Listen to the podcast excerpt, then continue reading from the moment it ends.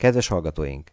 Legyen kevesebb szenvedés című tíz részes sorozatunkban beszélgetést hallhatnak Cikke Klárával, aki a Pandita Meditációs Központ nyitott tudat buddhista közösség vezetője és a Tér Akadémia egyik alapítója. A beszélgetőtárs Bende Zsuzsanna. Második rész. Tudatosság.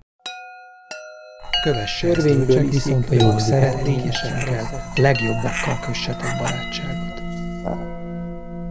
Beszélgetések.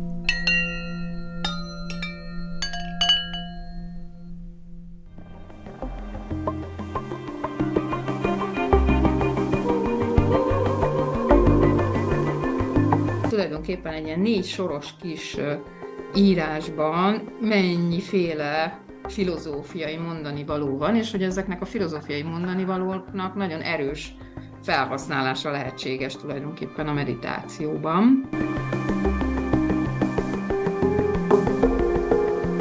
Nagyon sok elmélet azt mondja, hogy a tudat nincs sehol, hanem a tudat az tetten érődik valahol, keletkezik valahol, és egyszer csak meglátszik.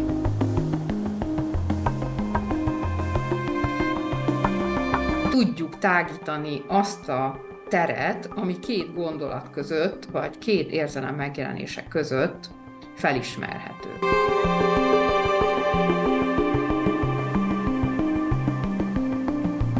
Traumafeldolgozás az nem meditációs eszköztár, tehát akkor át kell menni egy másik eszköztárba, és fel kell dolgozni azt, ami történt velem, és akkor utána vissza tudok menni, és ugyanúgy tudok meditálni.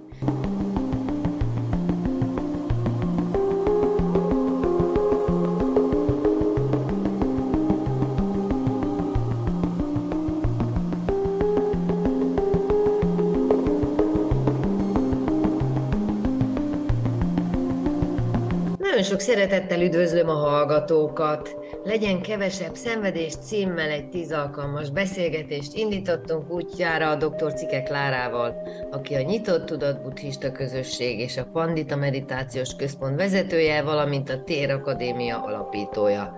Klára szociológusként, kócsként és buddhista tanítóként is tevékenykedik, és itt ül velem szemben. Szia, Klára! Szia, Zsuzsi, sziasztok! A sorozatunkban egy-egy téraváda buddhista szöveg segítségével kapcsolódunk a gyakorlatokhoz, és beszélgetünk arról, hogy hogyan segítenek az ősi tanítások a hétköznapok szenvedéseinek csökkentésében. Az első beszélgetésünk témája az automatikus működés volt, mostani második témánk pedig a tudatosság, címe, hogy csak, csak tudatosan. Megtennéd, hogy felolvasod az ide szánt szuttádat? Uh-huh. Rögtön fel is olvasom az ide szutta részletet, csak még előtte visszautalnék az előző alkalomhoz kapcsolt uh, ilyen otthoni instrukcióra, hogy mindig a végén fogunk adni egy ilyen instrukciót arra, hogy az adott témához kapcsolódóan hogyan lehet az otthoni gyakorlásba beépíteni az elméletet, és ezáltal hogyan tudunk így előrelépegetni és majd amit a múlt alkalommal mm, mondtam így, hogy az óra végén, hogy mit érdemes otthon gyakorolni, azt most fogjuk is majd használni már, hogy az abból jövő tapasztalatokat egy picit, hogyha csináltad a gyakorlatot, akkor idézd fel magadban, hogy, hogy mi, milyen tapasztalataid voltak, és akkor majd a, a, a mostani témához ez eléggé szorosan tud majd kapcsolódni. Szóval most a, van a, mm, biztos sokan ismeritek az Anála Jobbikunak a, a Szatipatána könyvét, és ebben a könyvben van egy nagyszerű mm, idézet, ami, ami ugye az ihletett szólások között szerepel, ezt a, a, a Buddha újja című honlapon, weblapon meg tudjátok majd nézni. Egyébként a könyvnek, könyvnek a, 20, a 228. oldalán szerepel, és így hangzik. Amikor a látottban csak a látott van benne, a hallottban csak a hallott, az érzékeltben csak az érzékelt, a tudottban csak a tudott, akkor nem leszel általa, ha nem vagy általa, nem leszel benne, ha nem, ha nem vagy benne, nem leszel sem itt, sem ott, sem a kettő között. Itt ér véget a dukha. Milyen egyszerű, ugye? Igen. Ez nagyon egyszerű kis leírás arról, hogy hogyan is, kell, hogyan is kell tudatosan léteznünk ebben a világban. És ugye mindig próbálok kötni így a gyakorlathoz, meg kötni így a más buddhista elméletekhez, vagy pszichológiai kincsekhez, úgyhogy most is ezt fogjuk csinálni, mert ugye ez tulajdonképpen ez, a, ez az idézet, ez nagyon erősen kapcsolódik a, a, az öt kandához, ugye az öt halmazhoz, azaz, hogyha tudjuk, hogy mi ez az öt halmaz, ezt egy picit most föl fogom gyorsan sorolni, akkor, akkor már is egyszerűbb dolgunk van a tudatosság útján, mert látjuk azt, hogy tulajdonképpen a rúpa, ugye az a fizikai dolgok, a mi testünk is ide a rúpához tartozik, de más anyagi vagy fizikai elemek is ide kapcsolódnak, szóval mondjuk a föld meg az óceán is a rúpához tartozik. Amit magyarul mondjuk formának lehetne fordítani. Így van, magyarul ugye formának szoktak klasszikusan fordítani. És akkor ugye a második kanda az mindjárt a, az érzések, a védaná, ahol ugye negatív, pozitív és semleges érzelmekről, érzésekről szoktunk beszélni. Itt a meditációs gyakorlatban itt igazán az a fontos ennek a tekintetében, hogy, hogy tudatában legyek annak, hogy ott van valamilyen érzelem, és hogy ne lepődjek meg ennek az érzelemnek a felbukkanásán. Viszont lehet azon dolgozni, és ugye az előző alkalommal a, az instrukcióban is ezt próbáltam mondani, hogy lehet azon dolgozni, hogy, hogy bontsam a kapcsolatot a vágyakozással, a sóvárgással, miközben ugye a, az érzelmek megjelennek a meditációban, mert hogyha ez sikerül, akkor tulajdonképpen megszűnik a táplálása e, ezeknek a, az érzelmeknek, amik ugye kizökkentenek bennünket tulajdonképpen a meditációs hmm, folyamatból, és, és tulajdonképpen a tudatosság az már itt elkezd megszűnni, létezni, mert általában ugye lájkoljuk, meg diszlájkoljuk a bejövő dolgokat, és akkor azt mondjuk, hogy valamit szeretünk, valamit nem szeretünk, amit szeretünk, azt szeretnénk megtartani, és akarunk hozzá még jobban ragaszkodni, és amit meg nem szeretünk, azzal meg ugye úgy bánunk, hogy ne, lehetőség szerint ne bukkanjon fel újra. És ugye múltkor is beszéltünk erről a az elvonulásról, amit említettem nektek, ahol nemrég jártam, és ott is ugye ez volt a feladat tulajdonképpen, hogy a fájdalommal, tehát a nagyon dislike, nagyon nem szeretem dologgal meditáció közben, próbáljunk meg úgy bánni, hogy nagyon jelen vagyunk, és a nagyon jelenlét lesz az, ami, ami, ami, ami aztán a háttérbe csúsztatja ezt az egész nem szeretem érzést, ami mondjuk a fájdalommal mm, megjelenik egy meditációs folyamatban. De hát ha az életre gondolunk, ugye akkor ott is ez van tulajdonképpen, hogy, hogy a tudatosság ott száll el, amikor, amikor a szenvedés az olyan mértékű lesz, vagy, vagy annyira nem szeretem azt, ami történik, hogy, hogy már nem tudom megtartani a tudatosságomat, tehát belemegyek ebbe a sóvárgásba, ugye az is sóvárgás, hogy azt szeretném, hogyha ez eltűnne. Tehát nem akarom, hogy legyen, nagyon nem akarom, hogy legyen, és akkor tulajdonképpen a sóvárgást táplálom ezáltal. És ahogyan a sóvárgás táplálódik, tehát az felbukkan, hogy ezt mennyire nagyon nem akarom, annyira tulajdonképpen éppen az ellenkezője történik, mert ugye ezzel adok energiát, ezzel adok táptalajt tulajdonképpen a szenvedés fokozódásának. És akkor ugye visszatérve így a kandákhoz, ugye a harmadik ilyen halmaz, az a szanyá, tehát maga az, maga az észlelés, ugye magyarul hm, észlelésnek szoktuk fordítani. Ugye, amikor a tárgyakat befogadjuk a hat érzékelési kapunk keresztül, a megfigyelő mögé megyünk, ugye nem azt szokták mondani a teinguban egyébként, hogy a megfigyelői énnek az erősítése az nem biztos, hogy egy jó ötlet, mert, mert hát ez eléggé ellene hat az éntelenségben való levésnek, vagy az éntelenség befogadásának, mert ez a megfigyelői én, ez bizony át tudja így venni az irányítást, és tud énként viselkedni. Szóval igazából ilyenkor a szanyá állapotában az a célunk, hogy a emögé a meditációban mondom ezt most, hogy meditációban így mögé menjünk ennek a megfigyelésnek, vagy hát most ugye nehezen mondom, hogy megfigyelő, mert akkor ugye megint egy alany keletkezik, tehát hogy inkább azt mondom, hogy a megfigyelés mögé. Uh-huh. És ez a, az a megfigyelés, meg az awareness, amit uh-huh. úgy, emlé, úgy emlegetnek, hogy ugye, hogy uh, tudatosság, uh-huh. akkor ez milyen, milyen kapcsolatban van? Azért tényleg nagyon elterjedt, ugye, hogy mondják is, hogy a megfigyelő, az ember a megfigyelő. Valószínűleg ez az advaitából jön, ha jól tudom. Igen, igen, igen, szerintem is ez egy ilyen áthallás, és azért is mondják nekünk azt inkább, hogy ilyenkor, amikor a szanyát, tehát az észlelés történik, akkor ha meditációban ezen már a tudatossággal el tudunk kezdeni egy picit dolgozni, akkor azt keressük itt, amikor a tudat megmutatkozik. Szóval, hogy hogyan észlel a tudat. Szóval egyfajta tudati működést, vagy, vagy a tudatnak a mintázatait nézegetjük, amikor, amikor ennek a, a szanyának a megfigyelését végezzük. És akkor ugye... Ide nem, tartoz, nem tartozik ide az egész érzékelés is, tehát a percepció, mint olyan, tehát a... De, a, de, a, tehát ugye az, az észlelés maga az erről szól, hogy, hogy ez már a, a, az ér, a hatérzékelési kapunk keresztül Igen. beáramló dolgoknak egyfajta értékelő rendszere is. Igen.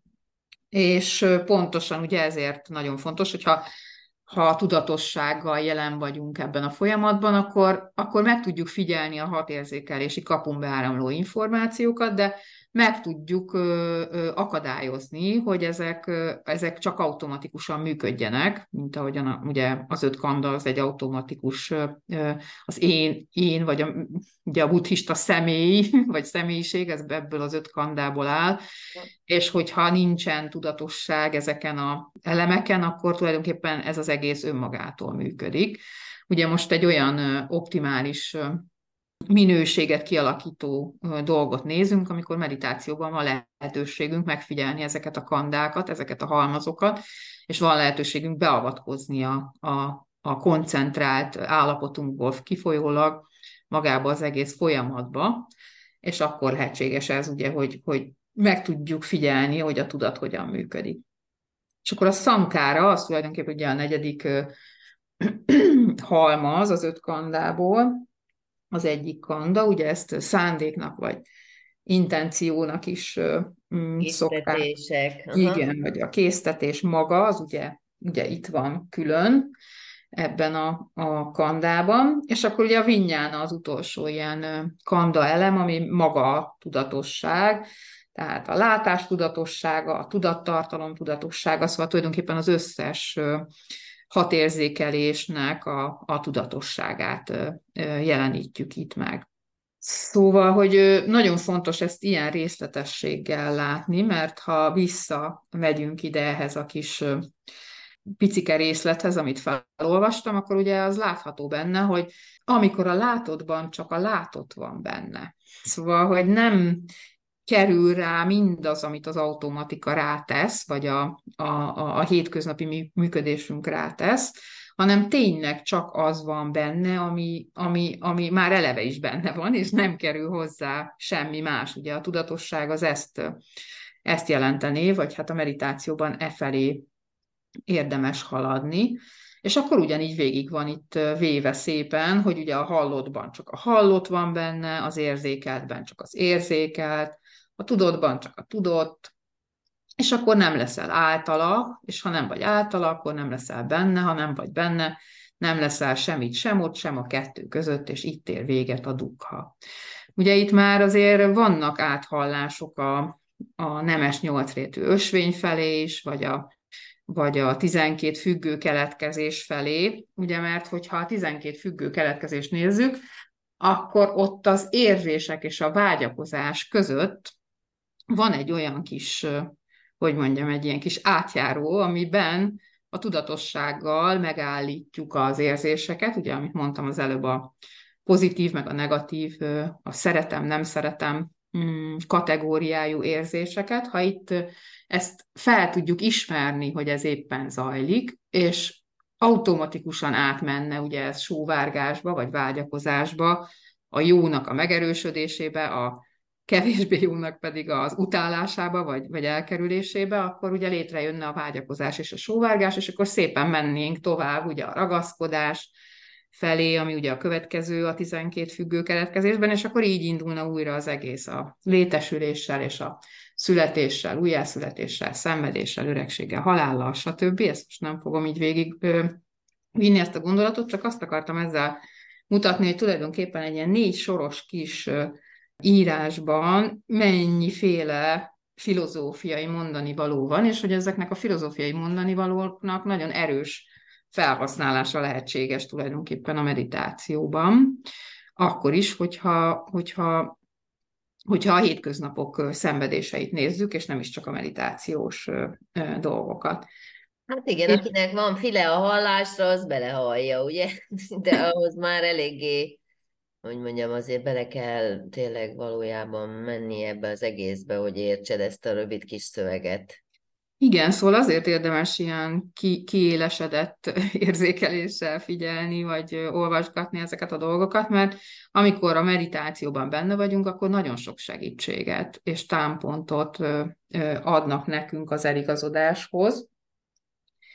És akkor itt mondanék még pár érdekes dolgot, ami, ami így, így az elvonuláson is sokszor felmerül, főleg a teingúval kapcsolatosan. Az az egyik legfontosabb ilyen teingus elmélet, vagy ilyen nagyon fontos szó az a bavanga, amit hát egyrészt érdemes megnézni, majd megnéznetek majd bővebben, hogy pontosan ez mit is jelent. Én most azért adok egy ilyen nagyon felszíni és, és hát egyszerű mm, magyarázatot erre, de azért érdemes ennek a, az irodalmába is beleásódni, mert úgy is hívják a, a bavangát, hogy bavanna csitta, tehát hogy ugye a bavanga tudatossága tulajdonképpen, vagy a tudat, ami a szívben keletkezik, mert Ugye nagyon sok vicc van arról, hogy amikor buddhista szerzeteseket így a tudósok először megpróbáltak így vizsgálni, akkor ugye elektródákat helyeztek a fejükre, és akkor nagyon nevettek, hogy miért oda teszik, mert a tudatot vagy a tudatosságot akarjuk tetten érni, akkor az nem, a, nem az agyban van, hanem a szívben van, hogyha van valahol, de nagyon sok nagyon sok elmélet azt mondja, hogy a tudat nincs sehol, hanem a tudat az tetten érődik valahol, keletkezik valahol, és egyszer csak meglátszik. Uh-huh. De igazából nem létezik úgy, mint valamelyik testrész, vagy, vagy, vagy valami, amit így pontosan meg lehetne mondani, hogy hol van a testben. De ha mégis van valahol, akkor inkább a szívben érdemes ezt keresgélni. Tulajdonképpen ez a bavanga állapot, ugye ez a mély alvás vagy a, a, a, a halál előtti és a fogantatás utáni pillanatban, vagy erre, ezekre a pillanatokra szokták a bavangát így felismerhetőleg tenni. Ez tulajdonképpen azt jelenti, hogy a tudatnak egy ilyen esemény nélküli állapota a bavanga. Tehát egy olyan pillanat, amikor megszűnik a gondolat és az érzés, amikor nincs, nem érhető tetten gondolat és érzés, és tulajdonképpen ebbe az állapotba a tudat bele zuhan, vagy bele esik. Ugye, hogyha elképzeljük a halál pillanatát, akkor az biztosan egy ilyen belezuhanás, vagy a fogantatás pillanata, vagy akár, hogyha egy ilyen mély alvás állapotba kerülünk, ugye az is egy ilyen belezuhanás állapot inkább, és tulajdonképpen azt szokták mondani így erre az állapotra, hogy ez egy ilyen nagyon elégedett állapot. És tulajdonképpen a teingúban ezt a nagyon elégedett állapotot keressük. Szóval az egész tudatosság felépítés az azért történik, hogy tudjuk tágítani azt a teret, ami két gondolat között, vagy két érzelem megjelenése között felismerhető. Szóval, hogy először csak nagyon picit látjuk, vagy nagyon pici időt tudunk eltölteni két gondolat között, mert először nem látszik közöttük a szünet. De aztán, amikor ezt meg lehet látni magában az összpontosítottságban, ugye ezt a levegő mm, intenzitásával érjük el, ahogy azt meséltem nektek a múltkori alkalommal, akkor tulajdonképpen ez a bavanga állapot, ez így elérhető másodpillanatokra, illetve ezek a másodpillanatok tulajdonképpen tágíthatóak, és egyre több időt lehet ebben a, az úgynevezett bavanga állapotban tölteni. Ezt egyébként passzív tudatosságnak is nevezzük ezt az állapotot, mert tudatos, mert, mert nincsen benne ugye gondolat, az összpontosítottság miatt már a háttérbe tudjuk helyezni a gondolatokat, érzelmeket, bármilyen bejövő dolgot, a fájdalom sem zavar már minket, és akkor a tudatnak létrejön egy olyan állapota, ami egy ilyen nagyon nyugodt és kiegyensúlyozott minőség. Most, Klára, ez mennyiben különbözik mondjuk ezektől a dzsánáktól, ahol szintén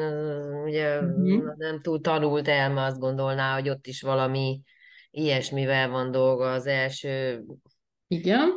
Azt szokták mondani a Bingura, hogy ez nem a dzsánáknak a meditációja, tehát hogy, hogy ez az összpontosítottságnak egy másik világába visz, és ezért szokták a bavangát mm, emlegetni, mert a dzsánákban nem a bavanga irány van, és a bavangában nem a dzsánák iránya van. Szóval ez, ez, ez nem ugyanaz a, uh-huh. Nem ugyanazok a, a tudati lépcsőfokok lépődnek meg a bavangában, és nem ugyanazok a, a dzsánákban. Tehát, tehát ez, ez teljesen, teljesen különbözik. De a szívhez van köze? Igen, tehát ugye a, olyan értelemben, hogy a Burmában ebben a hagyományvonalban úgy tartják, hogy a, a bavanga csitta, tehát a, a bavangának a tudatossága, a tudatta, ez, ez a szívben található, tehát hogy, hogy ott, uh-huh. ott keletkezik, és, és nem a fejben van ez a mhm. tudat.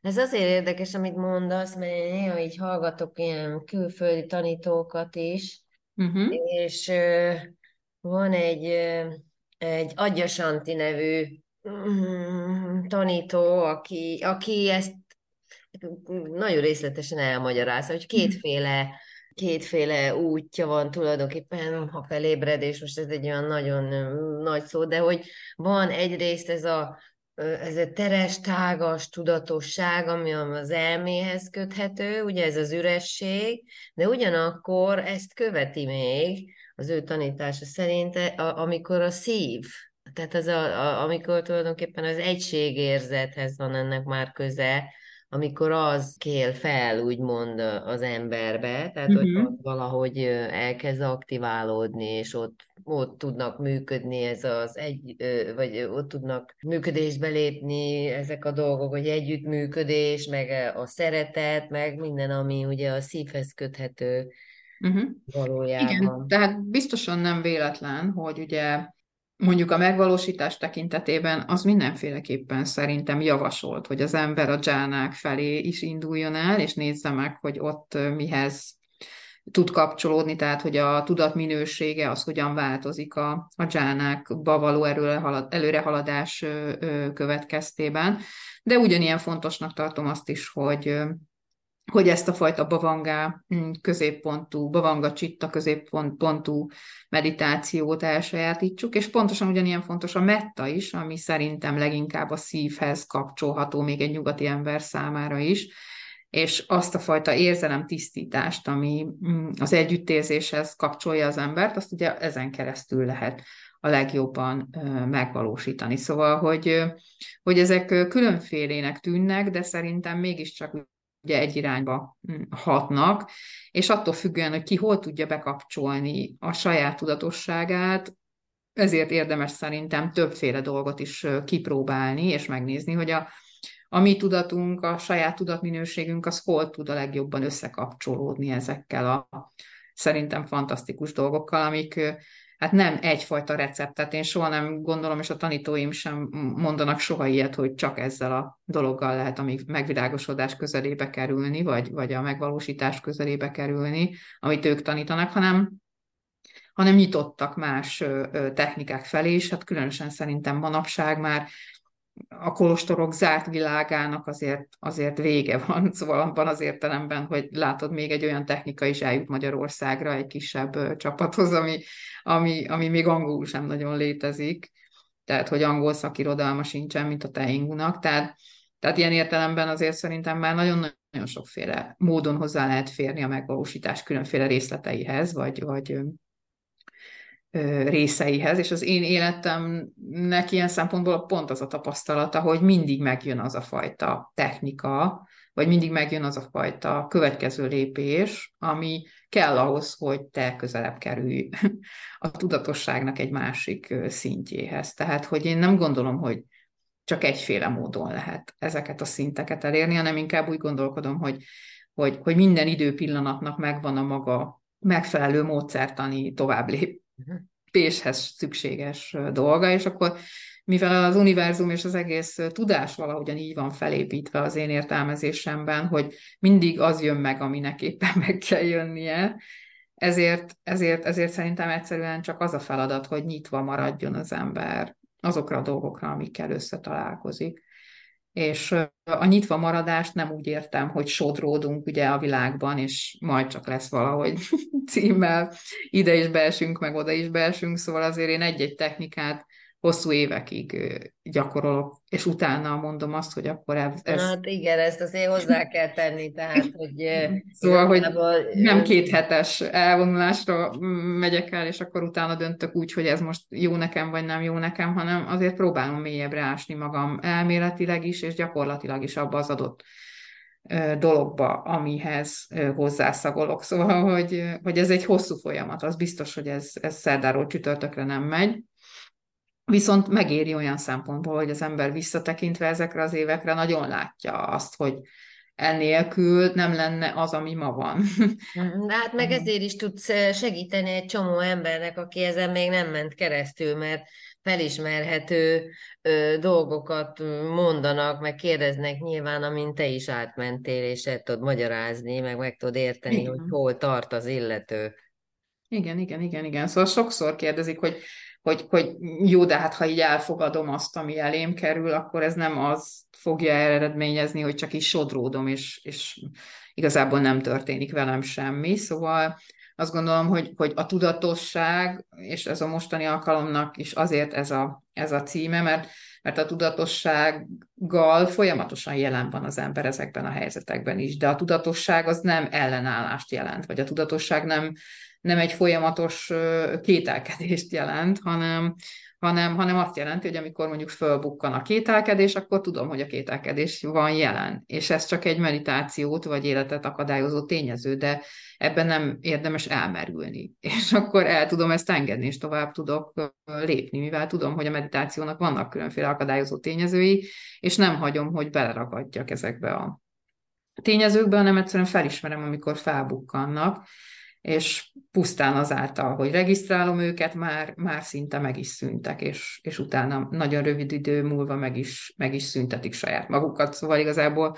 ha semmihez nem kapaszkodom hozzá, akkor, akkor minden csak így át, átmegy rajtam, és, és én egy, mint egy ilyen közlekedő edény, így hagyom, hogy a dolgok így menjenek bennem ide-oda, és nem, kapaszkodom beléjük, akkor, akkor, akkor meg fogják mutatni azt a valóságot, ami, amihez viszont majd érdemes lesz kapcsolódni. Szóval, szóval ez szerintem egy ilyen hosszú, hosszú folyamat. Uh-huh. Egyáltalán fölmerül az emberbe az a kérdés, hogy hogyan és mikor kerültünk egyáltalán bele a látottba, a hallottba, az érzékedbe és a tudottba. Mm. Igen, hát ugye az én korábbi gyakorlatom az elsősorban Mahasi féle vipassana, vipassanához kapcsolódik, és a vipasszanát azt ezért nagyon érdemes csinálni, mert az ember oda kerül, hozzá kerül azokhoz a dolgokhoz, amik vannak. És nagyon nagy felismerésekhez lehet jutni azzal kapcsolatosan, hogy amit én valahogy láttam korábban, vagy ami számomra valahogyan megmutatta magát, az, az egy, egy, egy ilyen folyamatos megfigyeléssel, vagy a tudatosság folyamatos aktív tudatosságnak, vagy akár ennek a bavangás, passzív tudatosságnak a használatával egy teljesen másfajta világ tárul fel az ember belső monológiában is, szóval olyan dolgok válnak egyértelművé, vagy olyan dolgok válnak feleslegessé, vagy, vagy olyan dolgok válnak láthatóvá, amik, addig is ott voltak nyilvánvalóan, csak valahogyan nem, nincs rá szeme az embernek. Tehát én ezt a, a látottban csak a látott van benne, vagy a hallottban csak a hallott, ezt, ezt nagyon hosszú évekig tapasztaltam, és hát persze tapasztalom a mai napig is, és tudom, hogy mikor fordul át adott esetben az életem is egy olyan pillanatban, amikor már nem csak ez van jelen, hanem már, már hozzáteszem a különféle szándékokat, vagy a, a, azokat a, az elképzeléseket, amik, amik a múltbéli események kapcsán bennem léteznek, és azok alapján ítélek meg egy-egy helyzetet.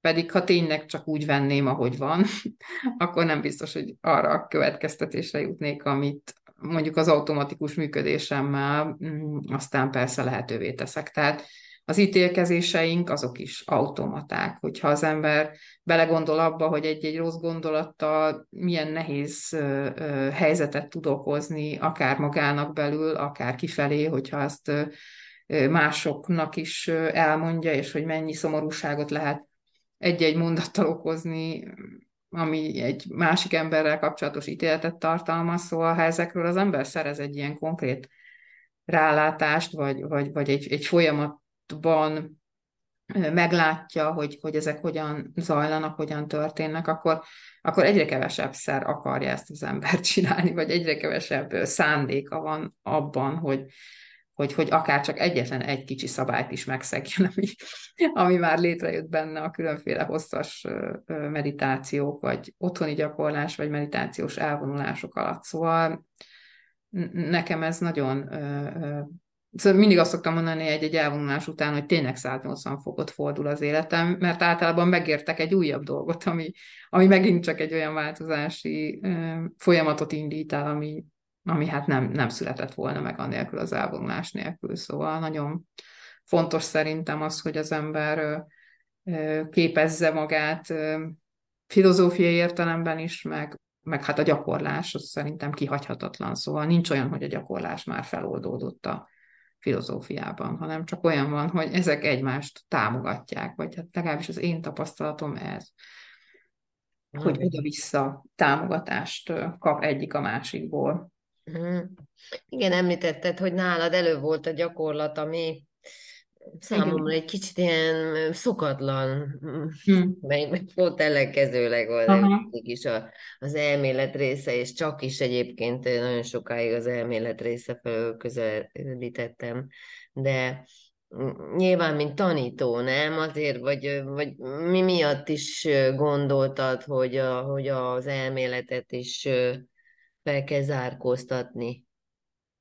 Hát eleve is egy elmélet inkább egy elméleti ember voltam, szóval ugye én mm. szociológus doktor vagyok, szóval elég sokat foglalkoztam korábban ö, ö, szociológiával, társadalommal, filozófiákkal, mm.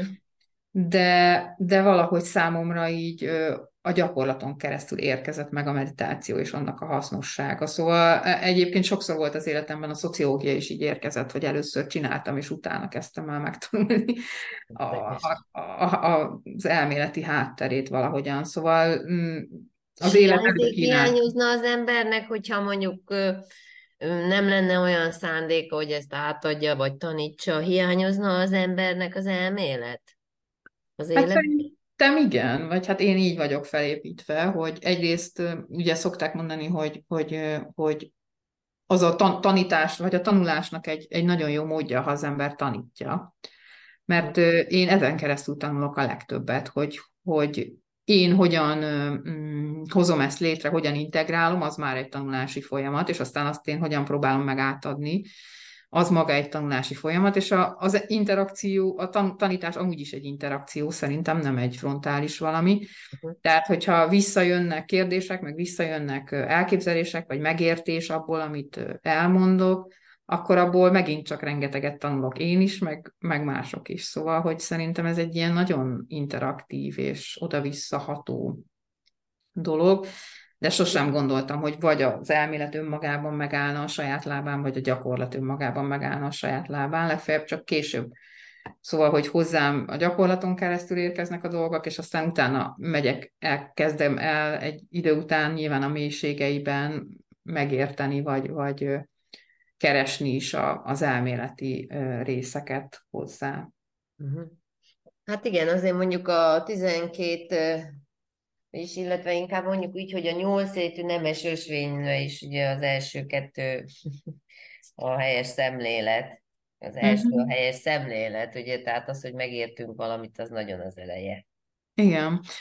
Ugyanakkor ez is olyan, hogy én nagyon sok terápiába jártam korábban, mert az is nagyon tetszett, hogy, hogy az ember dolgozhat önmagán terápiás eszközökkel. És persze rengeteget olvastam, meg szociológus koromban rengeteg órám volt pszichológiai hátterű óra, de, de valahogy akkor kezdtem el megérteni igazából az egészet, amikor, amikor terápiás eszközöket kezdtem el a saját bőrömön tapasztalni, és aztán utána tudtam már azt is továbbadni másoknak, és elkezdeni magam is csinálni ezeket a, ezeket a dolgokat. Szóval az biztos, hogy, hogy valamilyen formában én mindig foglalkoztam ezekkel az ilyen tudati dolgokkal, csak mindig valahogy máshogy hívták. Igen, de hát ugyanarról, de azért, hogyha már pszichológia, meg buddhizmus, kicsit az, az mm, tehát ott ugye azért eléggé mm, adottnak veszik a személyiséget egy, egy, egy valami létezőnek, nem a pszichológiában. Tehát hogyha meg kéne fogalmazni röviden a különbséget a, a buddhizmus elmélete meg a pszichológia mm, között, akkor te hova tennéd ezt a nagy különbséget? Igen, van személyiség, de szóval én, én úgy gondolkodom erről, hogy, hogy minden, tehát nincsenek ilyen örökérvényű igazságok, hanem, hanem vannak ilyen mondatok, amik mögé, ha bemegyünk, ugyanúgy, mint ahogyan bemegyünk a megfigyelő mögé a meditációban, akkor, akkor észrevesszük, hogy, hogy, hogy minden tulajdonképpen ugyanazt jelenti, tehát hogy minden ugyanarról szól, mert a világ az egyféle, csak legfeljebb sok szempontunk van, vagy sok szempontrendszerünk a megértéshez, és akkor azon keresztül próbáljuk, próbáljuk valahogyan a, a világot felfogni, ami, ami körülvesz minket. Tehát én, én úgy gondolkodom erről, hogy tulajdonképpen a személyiség az egy olyan folyamatosan változó valami, ami leginkább csak az éntelenséghez hasonlítható. Szóval, hogy nincsen egy, egy olyan emberünk, pszichológiai értelemben sem, aki megszületett valahogy, és a mai nap még mindig ugyanaz a személy, hanem rengeteg változáson megy keresztül ez a személy, különösen, hogyha elkezd terápiás eszközöket használni a saját személyiségének a idézőjelek között a változásait előidézni. Szóval ez, ez az én értelmezésemben egyáltalán nem különbözik a meditációs folyamattól. Hát tulajdonképpen ugye, hogyha csak változás van, ha csak egy folyamat van, amin átmegy ennek a személyiségnek az a, az összetevői, mondjuk így, ez az öt halmaz, vagy uh-huh. akkor, akkor tulajdonképpen azt lehet pofozgatni, nem? Tudatossággal oda azt lehet egy kicsit olyanra alakítani, ami erre gondoljuk, hogy jó lenne. Így van, és ez, és ez a pszichológiában sincsen máshogyan. Uh-huh.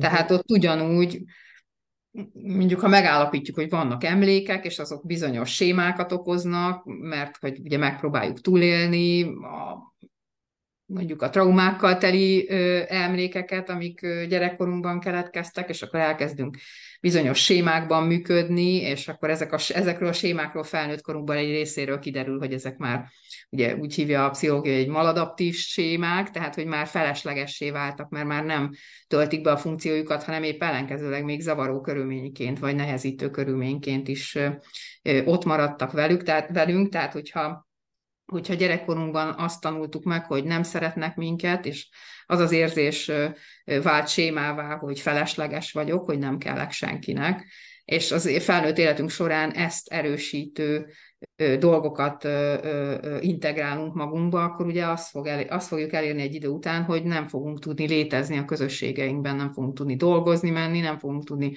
családi funkciókat ellátni, mert létrejött egy olyan séma gyerekkorunkban, amivel még segítettünk magunknak, meg megmentettük magunkat, de ma már nem működnek ezek a, ezek a sémák jól, lehetetlené teszik az alapvető hétköznapi létünket. Tehát akkor ha erre ránézünk, és rálátunk, és el tudunk kezdeni ezzel valamit kezdeni, el tudjuk kezdeni elengedni ezeket, ugyanazokat a szavakat használjuk terápiás helyzetekben is, mint amiket használunk a meditációs világban. Szóval ezek annyira közel jöttek egymáshoz szerintem az utóbbi évtizedekben, hogy, hogy nyilván köszönhetően sok pszichológusnak, meg analitikusnak, meg kutatónak, akik mindenféle helyek, kolostorokból kihozták ezeket a, ezeket a dolgokat, de szerintem nagyon-nagyon nem, nem különböznek egymástól. Pontosan ugyanúgy a szenvedés csökkentését célozza az egész, és ugyanúgy egy folyamaton, egy változási folyamaton kell keresztül menni, akár úgy tekintjük, hogy személyiség, akár úgy tekintjük, hogy éntelenség, akár öt kandának hívjuk ezt, tehát én azt gondolom, hogy, hogy ez, ez ugyanannak a, a dolognak egy másik megfogalmazása. Hát igen, csak mintha a buddhizmus módszerével egy kicsit mélyebbre lehetne menni, nem? Hát attól függ, hogy a mélységet azt hogyan értelmezi az hát. ember, mert nagyon sokszor van az én gyakorlatomban is, hogy azt látom, hogy valaki nem tud tovább menni a meditációval, mert olyan személyiségbeli elakadásai vannak, amit csak a, a nyugati pszichológiával lehet először rendbe rakni, és aztán majd utána fogunk tudni újra meditálni. Tudsz mondani egy példát? Hát mondjuk az, aki bele van ragadva a gondolataiba, és a gondolatainak hatalmas jelentőséget tulajdonít, és folyamatosan mennek benne a vége érhetetlen gondolatok, és egyik szüli a másikat, és nem tudja meditálni se. És nem tud vele meditálni, mert olyan Igen. mértékű ez, hogy hogy ez, ez, ez már csak terápiás úton lehet. Jó, de mondjuk olyanra gondoltam, aki tud meditálni azért, tehát, hogy azt felismeri, vagy valahogy... Nagyon, uh-huh, nagyon sokszor van, hogy valaki uh, tud egy darabig meditálni, uh-huh.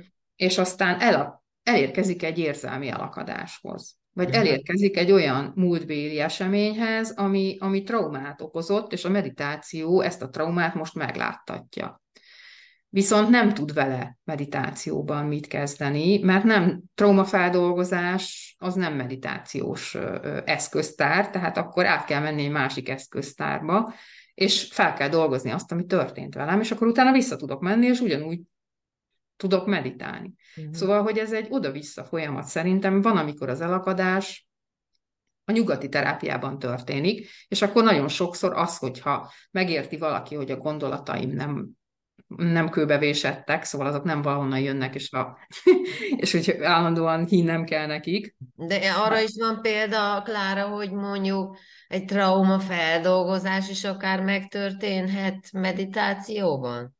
Hát, tehát, hogy van már nem. úgy, tehát lehet, lehet annyira haladott valaki, hogy mondjuk az éntelenséget, vagy az állandótlanságot azt tudja alkalmazni egy ilyen helyzetre is? Az én tapasztalataim szerint nem. Nem? Ez azért lehangoló. Hát szerintem nem lehangoló olyan szempontból, hogyha van egy módszertani eszköztárunk, és tudjuk, hogy mi mihez kapcsolható, és mi mihez fog segíteni, uh-huh. akkor én azt gondolom, hogy ebben semmi lehangoló nincs. Hogyha erőszakoskodunk magunkkal, és nem tudom, az éntelenséget szeretnénk megélni, de ugyanakkor még gyerekkori traumáink nincsenek feldolgozva, az egy olyan ellentmondás, amit a meditáció nem fog tudni feloldani. Uh-huh. Uh-huh. Szóval a hétköznapi ember nem butha. szóval lehet, hogy lehet, hogy, hogy ugye nyilván már eleve kell sok életet és sok tapasztalatot megéltnek lenni ahhoz, hogy valaki egy buthaságot elindítson, szóval tudjuk a butha élettörténetéből is, vagy a előző életeiből is, hogy azért ez nem egy nem, most nem, nem, nem, nem feltétlenül, hogy olyan fokú ö, dologra gondoltam, amikor már nem érinti mondjuk ez, hanem, hanem csak mondjuk érinti, érintgeti, de már nem úgy, hogy, az, hogy az, azzal ne lehessen együtt élni például. Szóval szerintem a személyiségfejlődésnek, hogyha így a nyugati szféráján, vagy féltekéjén maradunk a világnak, akkor vannak olyan stációi, amit ugye felnőtté válásnak hívunk, amit ha valaki nem jár végig, akkor igazából a meditáció az csak egy ilyen hét, hétvégi időtöltés tud maradni, vagy hát egy valami kis színes, ami, ami igazából nem tud mélyebbre menni, mert amint mélyebbre megy, olyan traumákat tud aktiválni, amikkel viszont már nem lehet meditálni.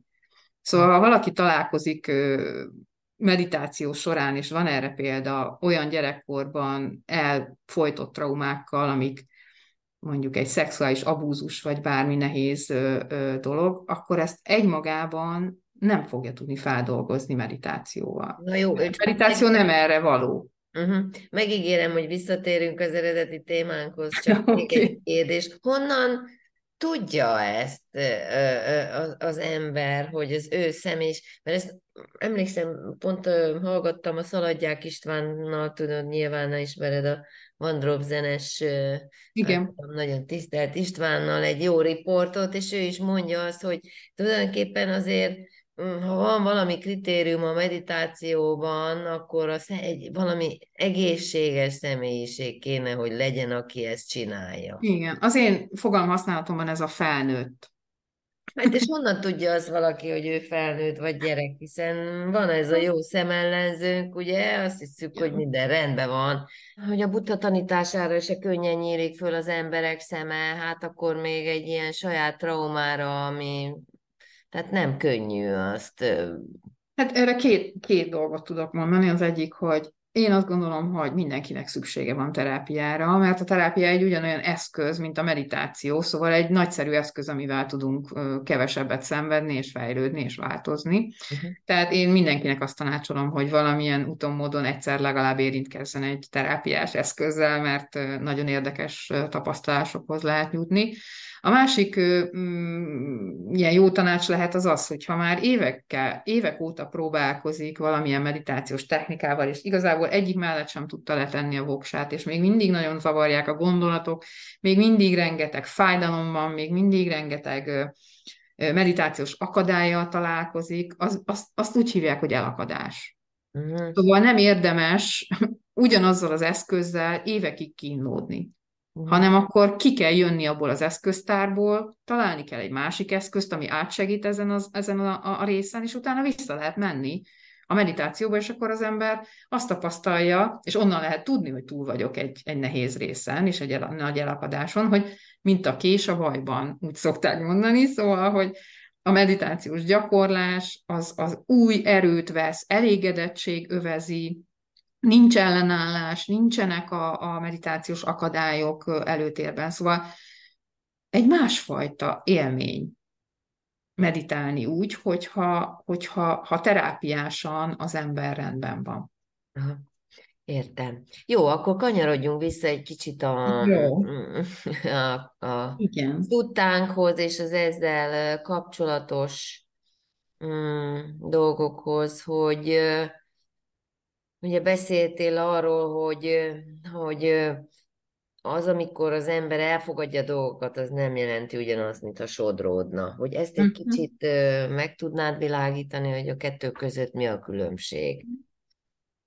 Szóval szerintem a kettő közötti különbség az, az nagyon egyértelmű. Szóval egy idő után a gyakorlásban a morális részek, az etikai tartalom, az pontosan ugyanolyan fontos lesz, mint maga a gyakorlás. Értem ezt, ez alatt azt, hogy ha az ember elkezdi már nem gyilkolni és mérgezni magát különféle dolgokkal, hogyha odafigyel arra, hogy a tudat minősége az ne egy ítélkező tudat legyen önmagával vagy másokkal, magyarul elkezd a fogadalmak szerint élni, akkor ezzel már kijelölt maga számára egy utat, tehát a sodródás az lehetetlenné válik. Tehát amikor arra gondolsz, hogy szívesen, nem tudom, nem gondolsz erre sem, hogy szívesen meginnál egy pohár bort, mert nem tudod elvinni a szádig, mert nincs, nincs, nincs neki értéke a számodra olyan értelemben. Tiszteltem, hogy Ádám azt mindig azt mondta nekünk, hogy, hogy azért hülyeség meginni legalább egy pohár bort is, mert utána már a felelősséget átadtuk. Uh-huh. Tehát nem tudjuk, hogy mi fog történni egy pohár bor után, lehet, hogy kettő pohár bor, vagy három, vagy négy, stb. Tehát, hogy átadtuk már az első pohár bornál a tudatosságot a véletlennek, vagy a, a, a sodródásnak. Hogyha én egész életemben a tudatosságon dolgozom, vagy azon, hogy, hogy hát legalábbis ezzel kapcsolatban maradjak, akkor, akkor egy másodpillanatra sem tudom ezt elfelejteni, és, és csinálni valami olyasmit, ami épp az ellenkező irányba hat. Hát, szerencsés alkat vagy. nem tudom, de ugyanilyen a húsevés nem, is, vagy így, így minden így megváltozik. Uh-huh, uh-huh. Hogyha, hogyha, hogyha ezeket a szabályokat az ember elkezdi betartani, és uh-huh. kijelölni magának, és tulajdonképpen ezzel már a sodródás az szerintem lehetetlenné válik, szóval, szóval rajta vagy egy olyan úton, ami, ami, ami a tudatosság útja, ami, ami nagyon fontos, hogy, hogy, hogy legyen, és a, a meditációs haladásban is, szóval sok, szokták mondani mm, tanítványok, hogy hát elmentünk bulizni a hétvégén, és aztán utána megpróbáltam meditálni, és hát nem, nem ment. Szóval, hogy ez a fajta hatás, az teljesen egyértelmű a mhm. tudatra és annak működésére, és az egész meditációs gyakorlásra kihat, akkor én ezt nem akarom. szóval, hogy a, a szándékom nincsen Jó. már ebbe az irányba.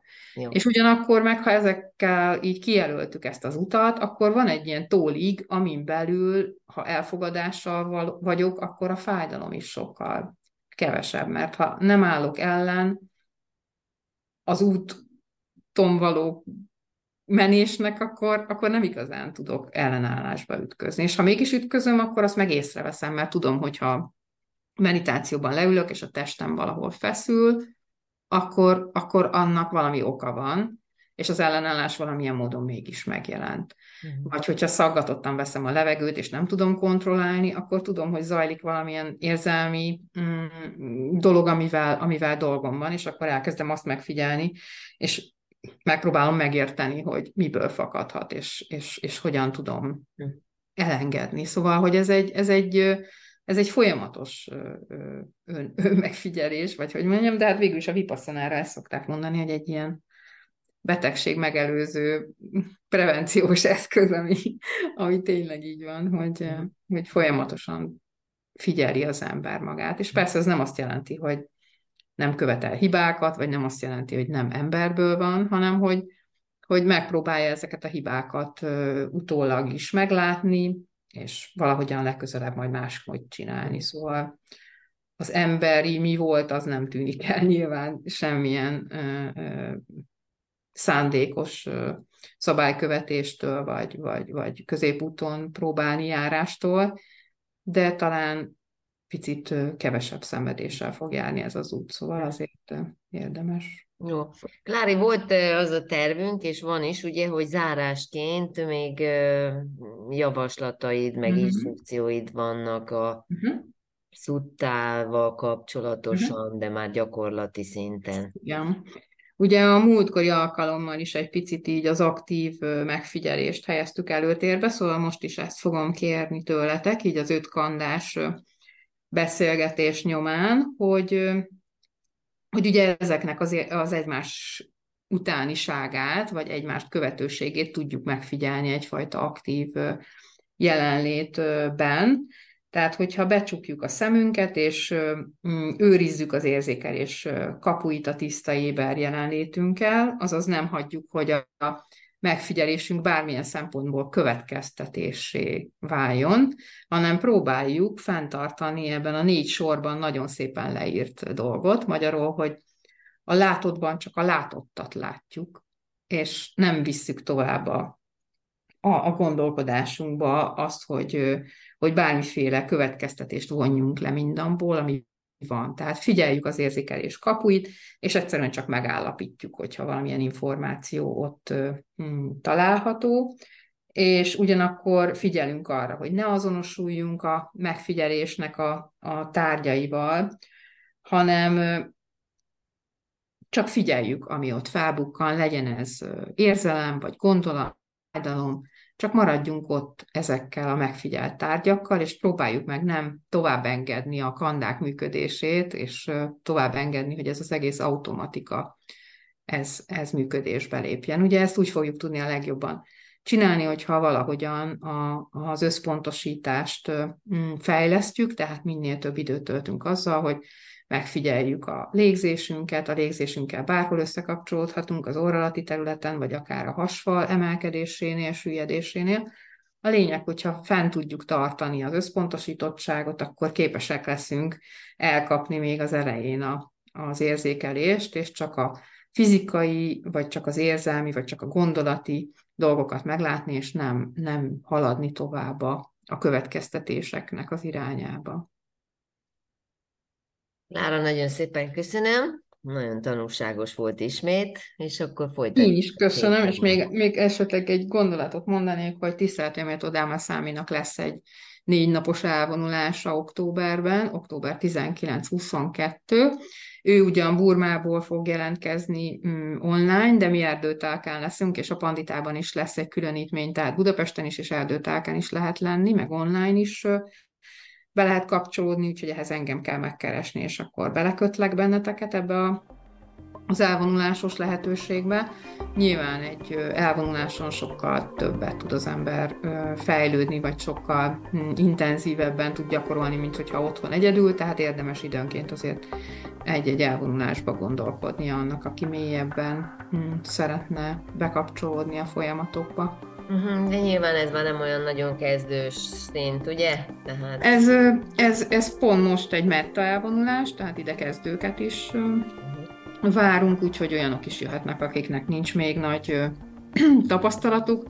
A tanítónk ő 20-ától lesz velünk, tehát 19-én az egész napot azzal fogjuk tölteni, hogy mindenki fel tudjon készülni arra a három napra, amikor ő velünk van és, és fogja tudni a, a gyakorlást együtt csinálni a többiekkel. Szóval egy elvonulásnak a közösség szempontjából van még, még nagyobb ereje, mint, mint az otthoni egyedüli hm, gyakorlásnak, szóval nem csak az intenzitás, hanem a, még a közösség is az, ami így pluszban hozzátesz a, a, az egyéni erőfeszítésekhez. Köszönöm szépen! Én is köszönöm, sziasztok, jó gyakorlást kívánok mindenkinek!